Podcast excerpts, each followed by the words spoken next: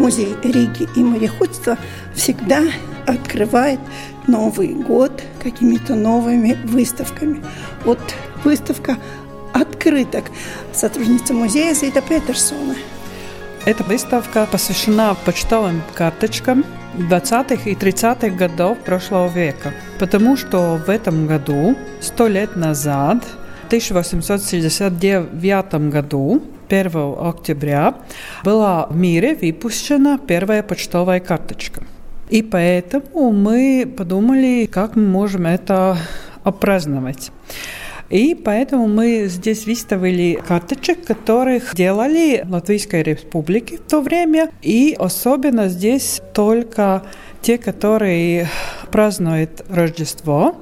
И здесь и карточка, которая посвящается тоже Новому году. Первая открытка, которая была посвящена какому-то празднику, появилась а, по легенде в Китае. Потому что там очень много людей ехали в гости другим людям, и когда они не успевали поехать в гости, тогда они отправили маленькую такую карточку, которая была в красном цвете, на которой было несколько предложений о том, почему они не были и что они благодарят за приглашение. Это была как бы первая такая открытка которая появилась в мире. Потом праздничные открытки появились в 15 веке в Европе. И их делали на День Валентинки. В 1843 году была опубликована первая рождественская открытка. В Латвии? Нет, Или это в было в Европе, Англии. Тогда в то время Генри Кол который был директором Британского музея, он не хотел писать эти открытки на Рождество с руки. И он просто придумал, что можно сделать очень много таких открыток.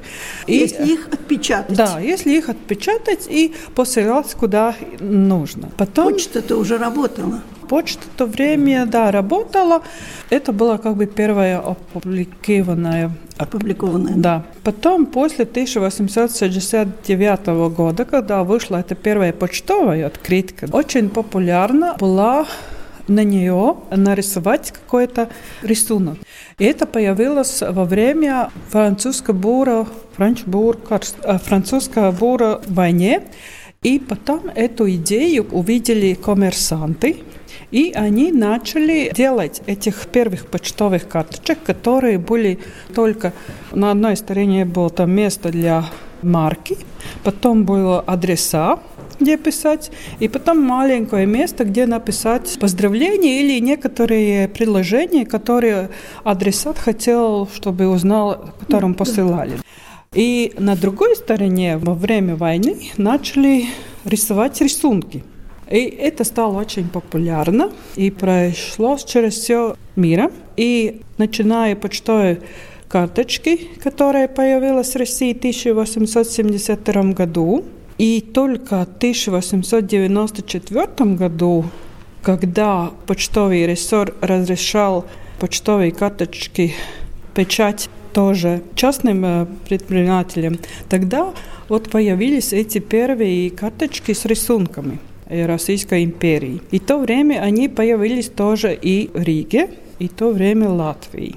Первые почтовые карточки, которые были предназначены время Рождества, вообще были очень интересны.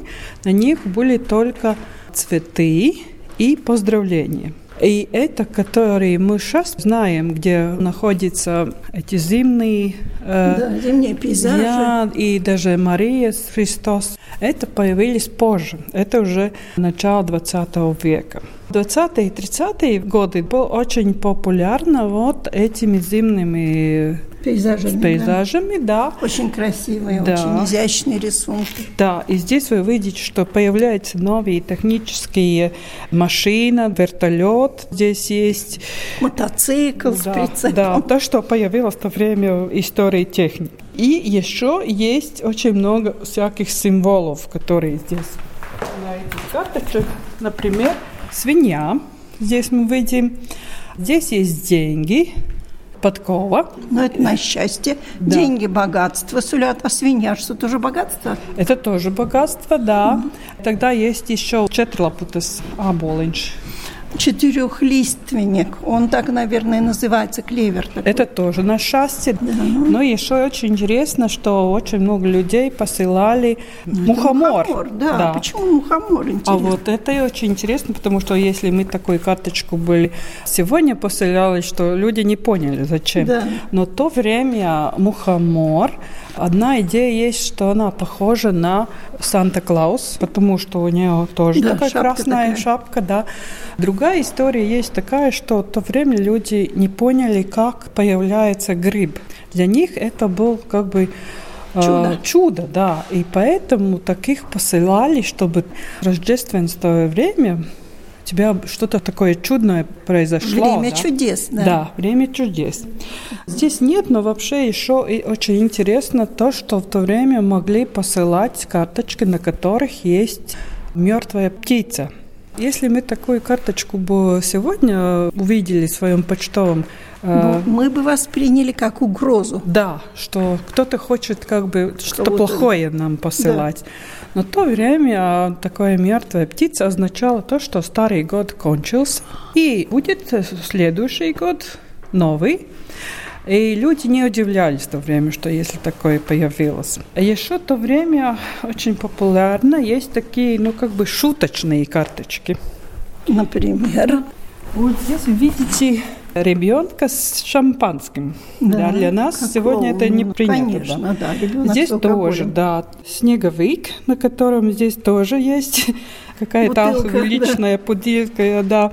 И здесь еще амор Ан- стоит. Ангелочек амур. Да, да, здесь этот э, Курстаниславович, трубочист, такой, да. по-моему, в подпитии тоже. Да, немножко в таком состоянии Еле уже. придерживается со Да. В то время это было как бы хорошо, потому что это первая рождественская карточка, которая была в 1843 году опубликована. На нем тоже был семья и ребенок, который там сидит, он пьет вино. В то время это не считалось ничего таком неприличным. В это время уже совсем другое, да. Ну, тогда еще не боролись с алкоголизмом. Да, и даже показать ребенка, это тоже было сегодня ужасно, чтобы он пил.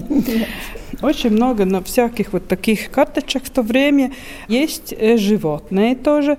Очень много кошечек есть, даже больше, чем собак показывает. Потом еще здесь можно увидеть трансформацию Санта-Клауса.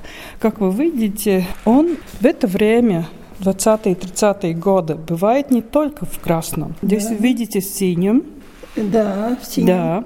А здесь таком. вообще немножко похож на лач плащица. Да. Посмотрите, там такие ушки у него. Mm, точно. Ну вот. Вот такая у нас национальная выставка. принадлежность сразу как-то да. обозначается, что это в Латвии выпущены да. открыточки. Но мы смотрели только с этой стороны, а с другой стороны вы смотрели, есть какие-то памятные люди известные, которые получали эти открытки? В 20-30-х годов популярно было этих э, карточек выпускать. Например, в год мог выйти 50 тысяч карточек. И даже президент Карлис Улманис посылал такие карточки. У нас, к сожалению, нет такого, но это была такая вот традиция в то время. И она долго продержалась. Да, и сегодня, к сожалению, у нас как бы принято посылать смс-ки, ну, если кто-то посылал карточку почтовую, но это уже счастье высокое. Да, но память осталась, и очень даже интересно можно что понаблюдать, только глядя на такие вот поздравительные открыточки. Да, и эта выставка у нас будет до половины января. Можно увидеть и о том, как развивалась техника, и как менялся облик Деда Мороза, и какие зверушки были. Ну, олени были, но зайчиков, например, вообще не видела ни одного. Зайчики есть, но, может быть, не так видно. Его впрягли, как, вот как видите, оленя. Здесь зайчики есть. В общем, их надо рассматривать, приходите, рассматривать как следует. Спасибо большое.